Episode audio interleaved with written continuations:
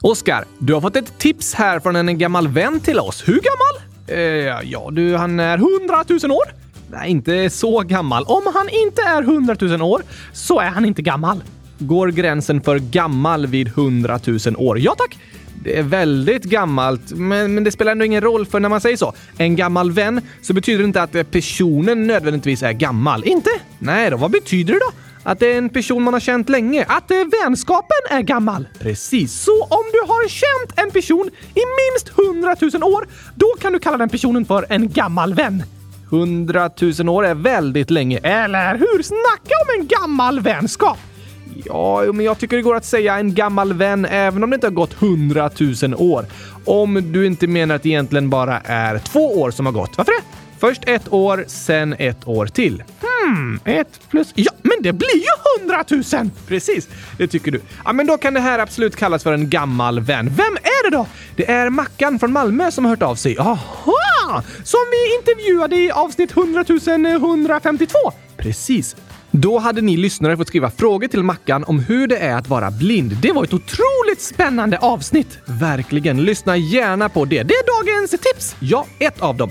För som jag sa har Mackan skickat ett tips till dig här. Om vad då? Det här är helt otroligt. På Youtube finns det många olika matkanaler kan man säga, där de lagar gurkaglass. Nej, det är inte så vanligt.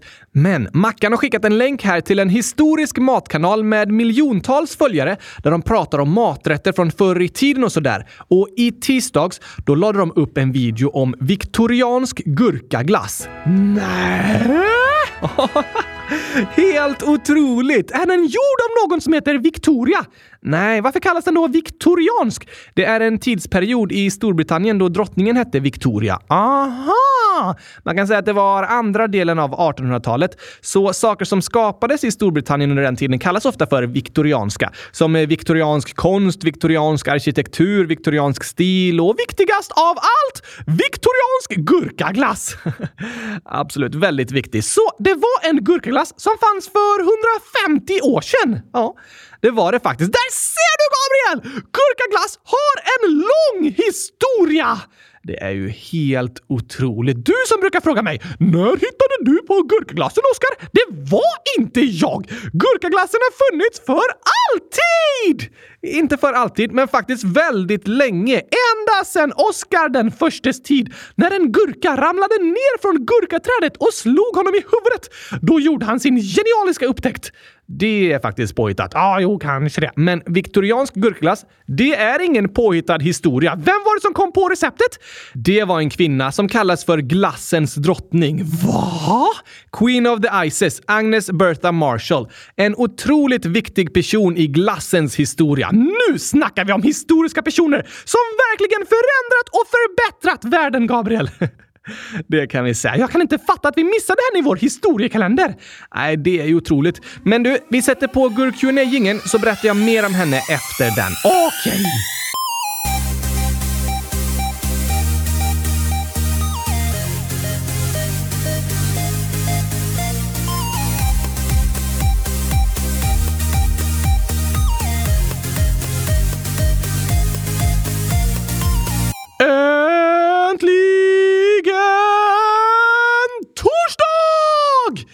Äntligen avsnitt 100 272 av Kylskåpsradion. Och äntligen har vi hittat en historiekanal som berättar om den verkligt viktiga historien, nämligen gurkaglassens historia.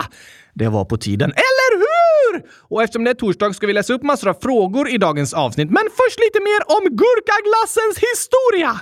Okej, berätta mer om hon som skrev receptet. Agnes Bertha Marshall föddes år 1855 och var en brittisk framgångsrik matentreprenör. Entre vadå? Entreprenör? Va, är det en dörrvakt? Nej, okej, en som står i dörren och hälsar välkommen när man kommer. Nej, varför tror du det? För det låter så.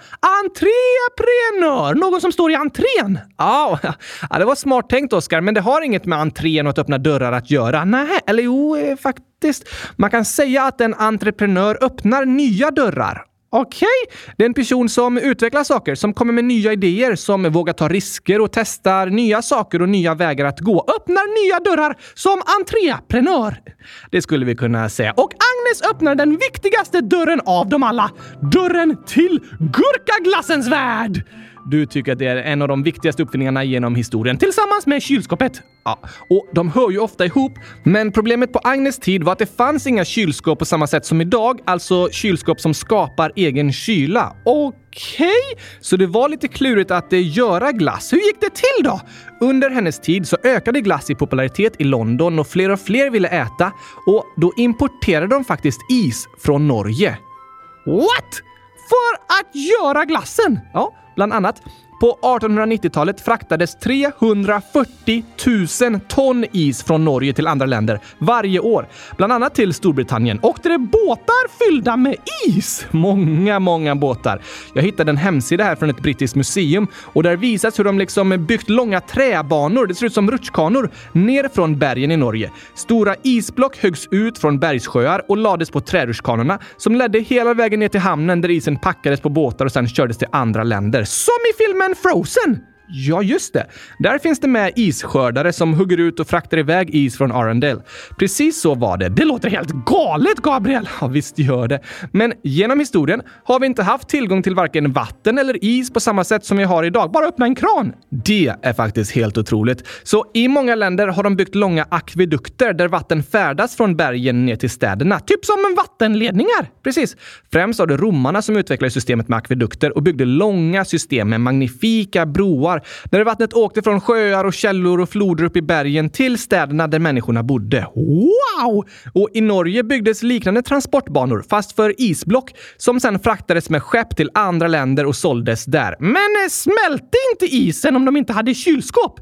Lite smälter den såklart, men när mycket is är packat tillsammans så tar det väldigt lång tid för den att smälta. Och ofta användes isen för att läggas i kylskåp, så de hade liksom särskilda rum som var gjorda för att vara kalla. Men systemet Systemet för att skapa kyla var inte uppfunnet än, utan de behövde köpa is från Norge och lägga i kylskåpen i till exempel London så att de skåpen och rummen blev kalla och mat kunde förvaras där.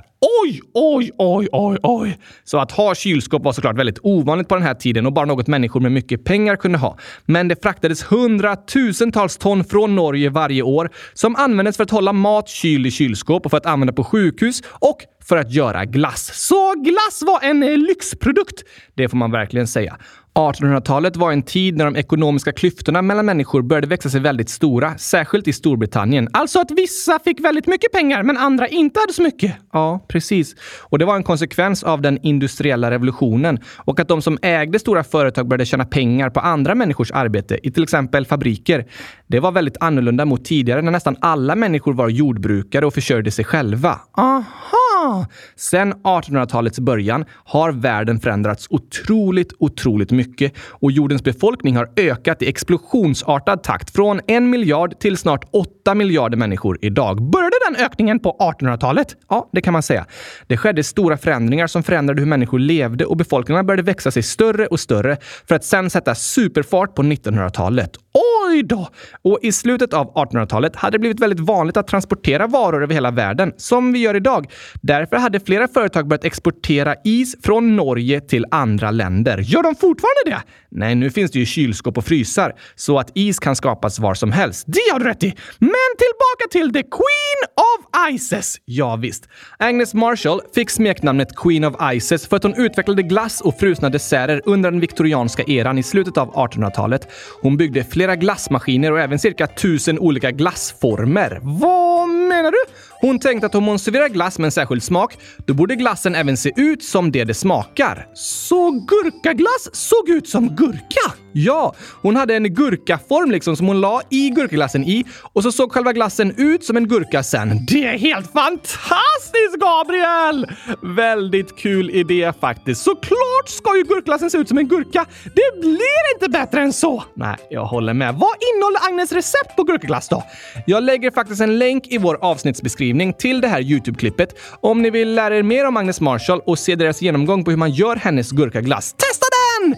Klippet är på engelska och heter Victorian Ice Cream och The Queen of Ices. Vad innehåller glassen då? Jo, först behövs såklart en gurka. Hashtag logiskt. Sen 115 gram socker, 3 deciliter vatten, grön karamellfärg. Fanns det på 1800-talet? Nej, inte på samma sätt som idag. Så i klippet diskuterar de vad som användes för att skapa den gröna färgen. På 1800-talet användes många olika ämnen för att göra kläder och tapeter och så gröna. Men vissa ämnen var tyvärr giftiga, så människor som hade gröna kläder och tapeter kunde bli allvarligt sjuka av dem. Oj då! Inte så bra! Nej, det fick de ändra på. Men det tog ett tag att inse att det var den gröna färgen som gjorde dem sjuka. Använd inga giftiga ämnen i gurkaglassen! Gör inte det. Alltså ingen choklad! det tycker inte du. Sen innehåller Agnes Marshalls klassiska recept även en alkoholdryck med smak av ingefära, men det går lika bra att göra gurkaglassen utan den. Han i videon sa till och med att den inte ens märktes i smaken ändå, så den behöver ni inte ha med. Nej tack! Men sen även en halv deciliter citronjuice. Citron? Ja, och 6 deciliter grädde som ska blandas med ytterligare 115 gram socker. Aha! Hur görs glassen då? Först skalas gurkan, sen delas den på mitten och så tas alla kärnor ut innan den delas i små bitar. Sen kokas de gurkabitarna tillsammans med 3 dl vatten och 115 gram socker i ungefär 15 20 minuter tills bitarna är mjuka och kan mosas. Mm, mosad gurka! Därefter läggs lite grön karamellfärg i för att glassen ska bli riktigt grön när den är färdig. Varför behövs det karamellfärg när gurkan är grön? För att det ska i mycket grädde också och då försvinner liksom gurkans färg. Aha! Sen blandas citronjuicen i och så hälls blandningen genom en sil. Samtidigt blandar du 115 gram socker med 6 deciliter grädde som sedan blandas med den gröna gurkavätskan och så läggs allting i en glassmaskin. Perfekt! Sen när den är klar läggs glassen i gurkaformen och serveras i form av en gurka. Det är receptet för viktoriansk gurkaglass av Agnes B. Marshall. Det låter fantastiskt, Gabriel! Tycker du det? Jag vill dock inte ha citron i min gurkaglass. Nej, men jag tror faktiskt det ger lite smak. Jag tycker det låter som ett eh, gott recept. Jag är bara lycklig över att ha fått bevisat att det gjordes gurkaglass redan på 1800-talet. Otroligt ju. Kyld av is som hade åkt rutschkana ner från Bergssjöarna i Norge och sen med båt över havet ända in till London. Ja, det var verkligen andra tider. Men när man hör om sådana här berättelser från 1800-talet så måste man komma ihåg att det var berättelser från en väldigt liten del av samhället. De flesta hade ju inte råd att någonsin äta någon gurkaglass. Idag är det fler som har råd med gurkaglass. Absolut. Både för att glassen har blivit billigare att producera och att fler människor har det bättre rent ekonomiskt än tidigare. Och vi får ju in rapporter från lyssnarna om den nya gurkisglassen som är lite annorlunda än Agnes Marshalls viktorianska gurkaglass. Ja, det är verkligen skillnad. Både i smak och pris. Men för er som missat det så är ju årets stora glassnyhet att Hemglass för första gången skapat en glass med smak av gurka. Det här låter verkligen som en reklampaus, Gabriel. ja, men du har gjort reklam för gurkaglass i tio år nu. Ja, tack! Fast den godaste är den du gör själv. Det tycker nog jag också. Och det verkar som att lyssnarna håller med, för deras kommentarer om nya gurkis är inte jättepositiva. Vad säger de då? Vi har fått in flera nya rapporter tidigare som har berättat om hur fruktansvärt superäcklig gurkis är och kritiken fortsätter. Arvid, 9 år, skriver så här. Hej! Jag har tre saker jag vill säga till er. 1. Jag har smakat gurkis och det var superäckligt. 2. Ni har glömt att ta bort Kongo-Kinshasa från listan. Nej, det var inte särskilt förvånande. Nej, det händer alldeles för ofta och även Gurkan 78, 100 000 miljoner år blir det nog. Kan ni prata om Kiribati? PS, ni har glömt att ta bort Kongo från omröstningen. Vi lägger till Kiribati! Yes, och tar bort Kongo. Men vad var den tredje saken från Arvid? Det var ett skämt och vi sparar det till dagens skämt lite senare. Okej, okay. här kommer dock fler kommentarer om gurkis. Gurka G, 11 år. Hej! Jag har testat gurkis hemglass nu och det smakade inte så gott. PS älskar eran podd. Hej då! Och eh, Gurka, hjärta år gammal. Gurkis var blä! Inte för att vara elak, men jag nästan spydde. Hur många gurkor finns det? Och så är det 63 stycken. Om de tycker det så kan den inte smaka gurkglass på riktigt. Jo, jag tror det. Nej, för gurkaglass är godast i världen! Vi tycker olika, Oskar. Det verkar dock inte som att gurkis har blivit en succé. Finns det som tycker om den? Jo, det gör det faktiskt. Så här skriver Viktor, Mikaela och Saga, 26 år tillsammans. Gurkis var inte god. Nähä. den var supergod! Älskar er, er, er, er, er, er, er. Åh! Och Jakob, 8 år. Hej kylskåpsradion! Jag åt gurkis och det var supermega gott! Tack och hej gurkapastej! Nu låter det som gurkaglass! Det där är nog vad du också hade sagt om du fått smaka på gurkis, Oskar. Ja, tack! Men det är spännande att få höra vad ni lyssnare faktiskt tycker nu när den första gurkglassen faktiskt är här i glassdiskarna. Det är inte den första. Den kom redan på 1800-talet! Ja, men det har du ju rätt i. Nu är det bevisat. Det var inte jag som kom på gurkglassen. Nej, det är en glassmak med lång historia. En glass som människor njutit av i flera hundra, kanske tusen år. Kanske i typ 130 år i alla fall. Lite till och från skulle jag tro. Det är inte en av de populäraste smakerna. Jo tack! Bara i kylskåpsradion. Precis. Men nog med gurkaglass för idag. Nog? Jag ska äta 100 000 liter till idag! Okej, okay, du kan fortsätta äta sen efter vi är klara med inspelningen. Men nu tycker jag vi ska läsa upp lite andra lyssnarinlägg och frågor också. Ja, ah, det låter bra. Hoppar in i frågorna! Hoppar in i, hoppar in i... Hoppa in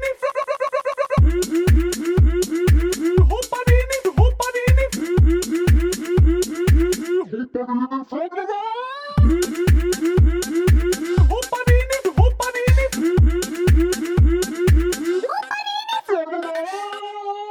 Anonym 18, men snart 9 år, skriver Hej kylskåpsradion! Detta är första gången jag skriver till er. Jag har löss, men mamma fick bort det mesta. Jag kunde inte sova, så vi tvättade mig. Vad är fel? Och så är det gurkor oh, och blåbär. Nej, det är felet! Gurkorna är rätt, skriver Anonym också. Yes! Jag vill att ingen ska härma mitt namn, för då vet jag inte när det är jag. Please! PS, ni är bäst i hela världen. Tack för ditt inlägg, Anonym 1! Skriv gärna fler! Jag gör gärna det. Löss kan vara jobbigt.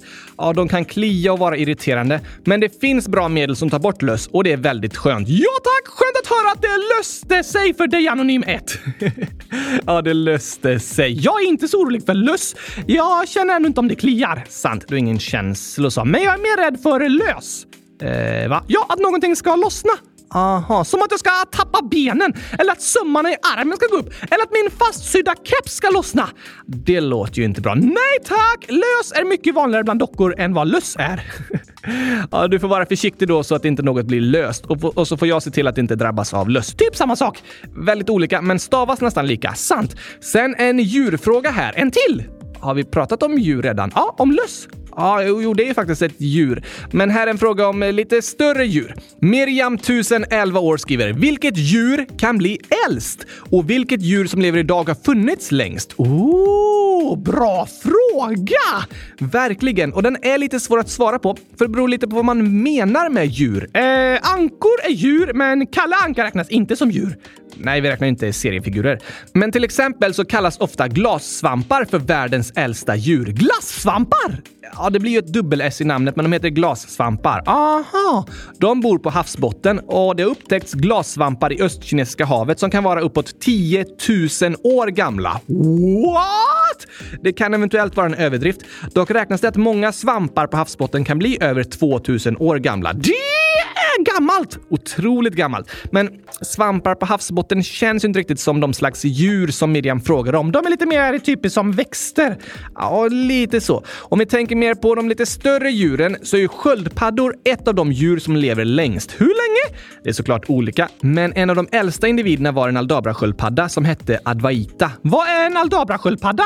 Det är en stor landsköldpadda som blir upp till 120 cm lång och som bor på ön Aldabra i Seychellerna. Aha! Men just Adwaita levde på ett zoo i Kolkata i Indien och när han dog år 2006 var han antagligen 255 år gammal. Oj då!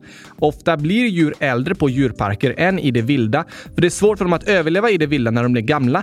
Men det kan ju såklart ha funnits jättegamla djur som vi inte känner till. Ja tack! Men några andra djur som blir väldigt gamla är tuatara, en reptil som är ganska lik en stor ödla från Nya Zeeland. En tuatara som hette Henry blev 111 år. Wow! Och Dakshayani, en asiatisk elefant, blev 89 år gammal. Elefanter är coola! Ja, och de kan bli gamla. Även om de sällan blir mer än 50 år, kanske max 70 år. Det beror på vilken planet de bor på. Uh, ja, alltså, det bor inga elefanter på andra planeter. Nej, men räknat i Merkurius år blir elefanter flera hundra år gamla. det har du rätt i. Fler frågor! Okej. Okay. Anonym Anonym Ålder skriver “Nästan varje dag gråter jag av ingen anledning. Det är jättejobbigt. Vad ska jag göra?” Det låter faktiskt lite jobbigt. Ja, det gör det. Men det är helt okej att gråta. Absolut. Det är ingen fara. Vi mår bra av att gråta. Men ofta gråter man ju av att man är ledsen över något som har hänt och det kan vara jobbigt. Såklart, särskilt om det är något som händer varje dag. Men anonym gråter av ingen anledning, står det. Är det vanligt? Ja, alltså det här med att gråta är ingenting man gör bara när man är superledsen. Tårar kan komma vid många olika tillfällen. Jag gråter av lycka när jag ser gurkaglass! Åh, så vackert, Gabriel! ja, till exempel. Vi kan gråta när vi ser något eh, känslosamt hända, kanske på film eller något annat vi tycker är vackert, som gurkaglass! Den är så fin! Ja, det, det, det, är, det är den verkligen. Men vissa personer kan också ha det så att de gråter väldigt lätt och väldigt ofta på ett sätt så att det börjar bli jobbigt. Aha! Och det kan bero på olika saker. En anledning är att hormonerna är i obalans. Eh, okej, okay, vilka är de och varför gör de så att andra människor börjar gråta? Hormoner är inga personer. Det är ämnen som styr det som händer i kroppen. Ah, det känner jag igen. Bland annat påverkar hormoner när vi kommer i puberteten. Och hormoner påverkar humöret. Därför är det många som känner sig lättirriterade och att känslorna går mycket upp och ner under puberteten. Det är även många som lättare börjar gråta då. Är det som att känslorna är starkare? Det skulle man kunna säga och lite svårare att kontrollera. Och vissa kan tycka det är jobbigt. Något annat som styrs av hormoner är menstruationen. Aha! Ah, och mycket hormoner i omlopp styr våra känslor. Det kan till exempel bli lättare att börja gråta. Vad går det att göra då? Om man känner att humöret är väldigt påverkat på ett jobbigt sätt så är bästa lösningen att eh, ta hand om kroppen på vanliga sätt. Stress och oro kan göra situationen jobbigare, men sömn och bra rutiner kan ge kroppen ro och hjälpa den att lugna ner sig. Ah! Och att vara stressad och oroad kan vara anledningar som gör att man lätt börjar gråta, oavsett om man är i en period med mycket hormoner eller inte. Stress och oro kan liksom gömma sig kvar inom en och sen komma plötsligt ut då och då så att man börjar gråta fastän det egentligen inte har hänt någonting. Så kan det vara. Under perioder när jag har liksom mått dåligt, till exempel när jag varit med om något väldigt sorgligt, då har jag känt att jag haft mycket lättare att börja gråta under ett tag efter det. Det behöver inte vara något dåligt. Nej, såklart inte. Men att bära på stress och oro inombords kan vara väldigt jobbigt och något som bör tas på allvar. Kanske är det något särskilt som du stressar eller oroar dig över. Då kan det vara bra att komma fram till vad det är och om det är något som du behöver vara stressad och orolig över. Eller om det bara är gurkor som bränns i brödrosten. Ett falsklarm som inte är någon egentlig fara. Ibland kan vi gå runt och bära på stress och oro över saker som vi inte alls behöver vara oroliga för. Oron kan liksom byggas upp i vår egen hjärna och bli jättestor fastän det egentligen inte finns så mycket anledning till det. Men ofta finns det också anledningar till att vara orolig och då kan man behöva hjälp med att lösa situationen så att man kan börja må bättre inombords igen. Ja, tack! Det är superbra att du skriver och berättar om vad du känner anonym. Det är väldigt bra att du inte håller allting inom dig utan ber om hjälp och reflekterar högt över vad som kan göras för att det ska bli bättre. Precis! Om det är så att du känner dig väldigt känslomässigt påverkad av alla hormoner under puberteten på ett sätt som du tycker blir jobbigt så kan det hjälpa att hitta bra rutiner för mat och sömn så att kroppen känner sig pigg och stark. Just det! Och om det är så att det är något jobbigt du bär på inombords som kommer fram i form av tårar då och då så är det viktigt att ta det på allvar och fortsätta be om hjälp och prata med andra om om det. Vad du känner spelar roll. Du är viktig! Precis så är det. Men sen så vill vi säga att det är ju inget fel med att visa känslor och börja gråta. Det är snarare något bra. Absolut. Det är något naturligt och bra som vi människor mår bra av. Men om ni gråter på grund av att något känns jobbigt inombords, då är det såklart viktigt att det som känns jobbigt får en lösning. Ja, tack! Vet du ett annat tillfälle när jag ofta gråter, Gabriel? Mm, nej, Oskar. När någon säger ett superroligt skämt! ja, det är många som skrattar så de börjar gråta. Också ett exempel på att tårar kan vara något positivt. Faktiskt. Men du kan väl inte börja gråta? Nej, men vissa skämt är så roliga att jag börjar gråta ändå. det är tokigt. Ska vi ta några av dem? Absolut. Då kommer här dagens skämt!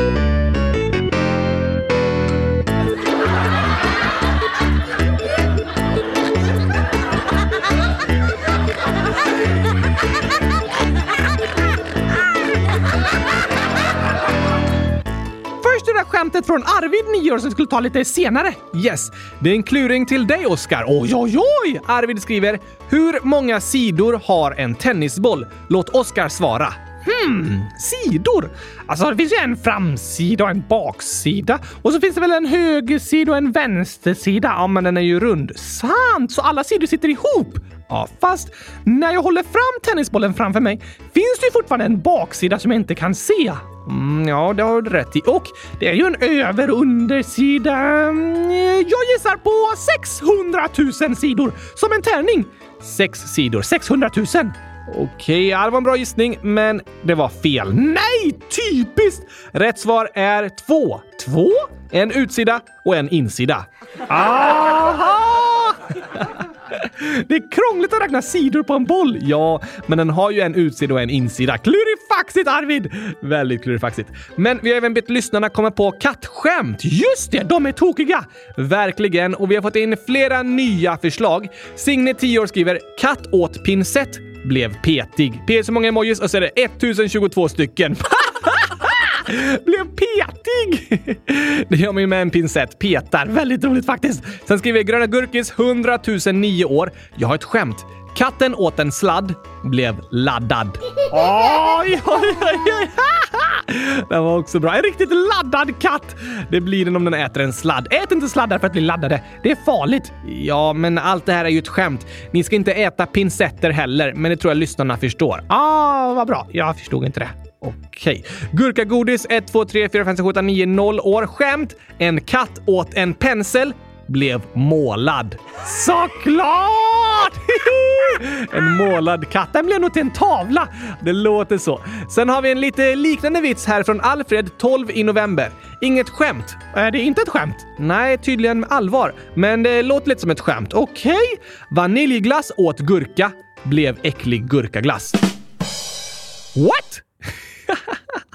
Han var tokig ju. Vaniljglassen blir ju god gurkaglass! Inte enligt Alfred, som även har skickat massa emojis och skrivit “Finn fem fel”, men det är massor av choklad! Ja, och fem gurkor. Så jag gissar att chokladen är rätt Alfred och gurkorna fel. Nej, nej, nej, nej, nej, nej, nej, nej, nej, nej, nej. Du håller inte med, men det var Alfred som skrev inlägget. Vi borde göra det olagligt att tycka illa om gurkor och tycka om choklad, Gabriel! Nej, det borde vi verkligen inte. Det är inte en lag som passar i en demokrati. Men i kylskåpsradion då? Såklart inte här heller. Det är fullt tillåtet för alla människor att tycka olika. Det är väldigt viktigt. Allas rätt till att ha sin åsikt är något viktigt att försvara. Ja, det tycker jag också, men det är så jobbigt att alla andra inte tycker likadant som jag gör! Ja, jag förstår vad du menar. Men så funkar inte världen. Vi människor är olika och vi tycker olika. Och det är viktigt att det ska få vara så. För om det inte är så betyder det att vissa människor förtrycks och tystas ner. Och det är väldigt allvarligt och odemokratiskt. Sant! Mm, jag håller faktiskt med om att det är helt okej att tycka om choklad. Även om jag inte förstår hur någon annan kan tycka om det. Nej, det är inte alltid så lätt att förstå hur en annan person kan tycka något som du inte alls tycker. Men även om vi inte förstår de slutsatser andra personer drar så måste vi respektera att alla har rätt till sina egna åsikter. Yttrandefrihet är en mänsklig rättighet och en demokratisk grundsten. Men det är inte okej att använda sin röst till att kränka och mobba andra människor. Nej, det är det inte. Så jag har rätt att älska gurkaglass och har rätt att uttrycka det. Ja, och andra har rätt att älska chokladglass och säga det. Men även om jag jag har rätt att älska gurkaglass så har jag inte rätt att börja sprida hat mot dem som älskar chokladglass. Nej, det får du faktiskt inte. Det ingår liksom inte i yttrandefriheten. Du får ifrågasätta chokladälskarna och säga att du inte håller med dem, men du får inte börja hota och sprida hat mot dem som inte håller med dig. Sant! Det är en viktig skillnad att komma ihåg. Det är det faktiskt. Jag tror att jag måste bli lite bättre på att visa att allas åsikter är okej. Till och med de som gillar choklad. ja, det kan du kanske träna lite på. Men jag säger bara att jag inte förstår hur någon kan tycka om choklad. Det gör det och det är okej att du inte förstår det så länge du respekterar att andra tycker om choklad. Ja, det gör jag. Man får tycka om choklad. Bra, Oskar. Men jag pratar mest om gurkaglass och efter vårt recept om den viktorianska gurkaglassen passar det att även sjunga en sång om det, nämligen Kärlek i en kartong. Det blir perfekt.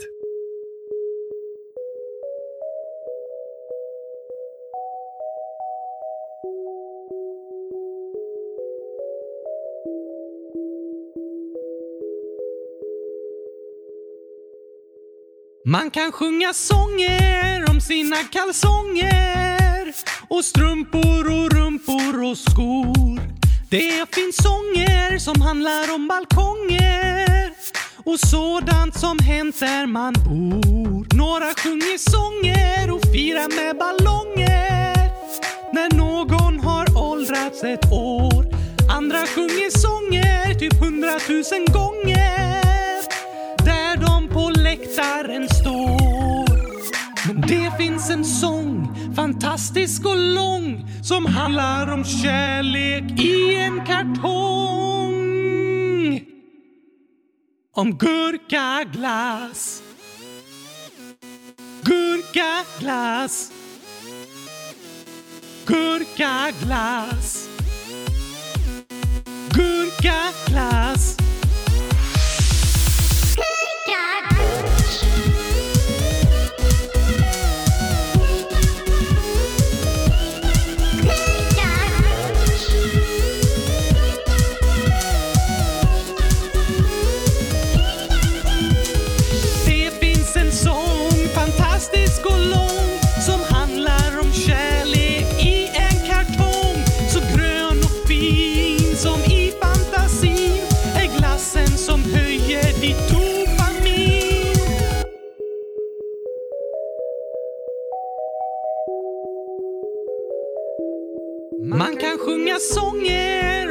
Kalsonger och strumpor och rumpor och skor.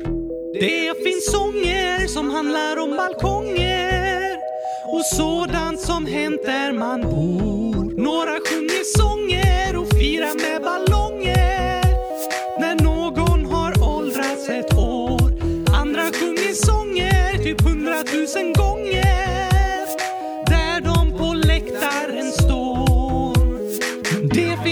sång, fantastisk och lång, som handlar om kärlek i en kartong. Så grön och fin som i fantasin är glassen som höjer ditt dopamin.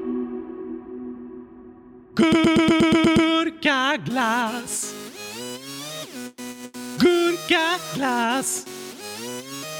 Gurkaglass. Gurkaglass.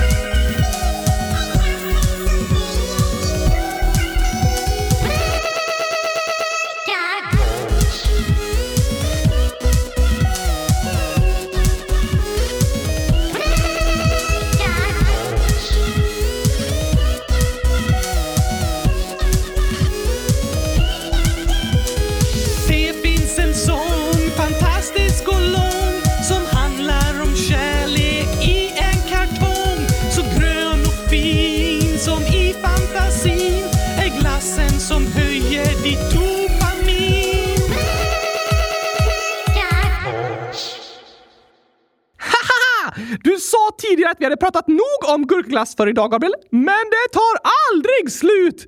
Nej, du hittar alltid ett sätt att prata mer om gurkaglass. Om det så handlar om 1800-talet eller yttrandefrihet. Allt har med gurkglass att göra.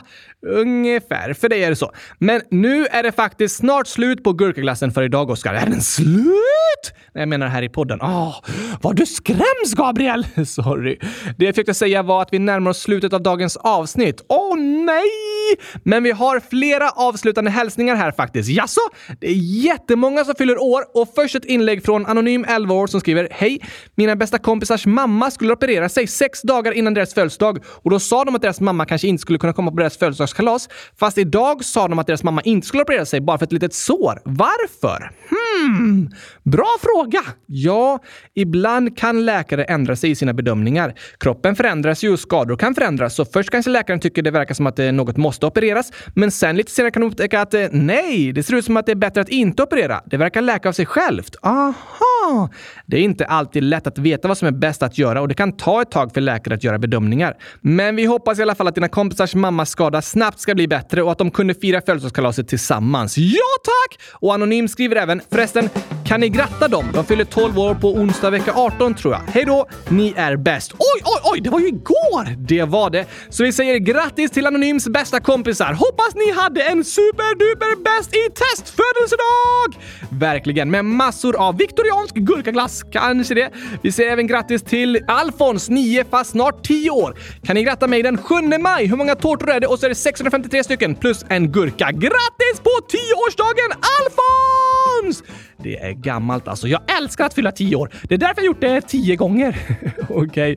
Hoppas du också tycker det är roligt att fylla 10 år Alfons och att du får en superbra dag. Ja tack! Google King 9 skriver “Kan ni gratta mig 7 maj? Snälla hur många emojis?” och så är det 192 stycken. Wow, wow, wow, wow, wow, wow, wow! Google King fyller år! Grattis, grattis, grattis, grattis, grattis, grattis! 100 000 grattis på födelsedagen! Hoppas du får en gurkaglassform så du kan göra gurkaformad glass. Det kanske står med på önskelistan, men jag gissar att Google King önskar sig något annat och det gör nog även Anonym 1, 8, men snart 9 år. På fredag så fyller jag 9 år. Snälla kan ni gratta mig? PS, ni är bäst i test. Du är också bäst i test, Anonym 1! Verkligen. Och vi önskar dig en bäst i test födelsedag på fredag. 9 år! Vilken fantastisk ålder! Din favorit Oskar Såklart! Njut av din viktorianska gurkaglass med importerad is från Norge, Anonym 1. Eller något annat gott. Och så sista hälsningen för idag. Ännu fler! Ja. Sela och Noah, 11 och 9 år, skriver “Vår lillebror Hosea fyller 6 år den 5 maj. Kan ni gratta honom då? Han skulle bli jätteglad. Han lyssnar på er varenda dag. Hur många hjärtan av varje färg? Och så är det 172 hjärtan i röda, orangea, gula, gröna, blåa, lila, svarta och vita. Wow! Grattis, grattis, grattis, grattis, grattis, grattis, grattis, grattis, grattis, grattis, grattis, grattis, grattis, grattis, grattis, på sexårsdagen! Ha världens bästa födelsedag och världens roligaste kalas i ett kylskåp. Jag tror inte att kalaset kommer vara i ett kylskåp. Okej, men en kylskåpstårta kanske? Som smakar kylskåp? Nej, gurka såklart. Men som ser ut som ett kylskåp? Mm, ja, ja det, vi får se. Kanske det. Vi hoppas du får en dag med mycket glädje i alla fall, Hosea. Såklart! Det var otroligt många födelsedagar idag, Oskar. Ja, tack! Och även min mamma fyller år faktiskt. Va? Grattis till henne också! Ja, men det är nog bättre att jag ringer henne och gratulerar än att det här i podden. Det låter bättre, Gabriel. Det ska jag ta och göra nu då, så avslutar vi för idag. Vi önskar världens bästa helg till världens bästa lyssnare. Det gör vi, så hörs vi igen på måndag. Såklart! Jag längtar redan, jag också. Tack och hej! Viktoriansk gurkapastej! Hej då!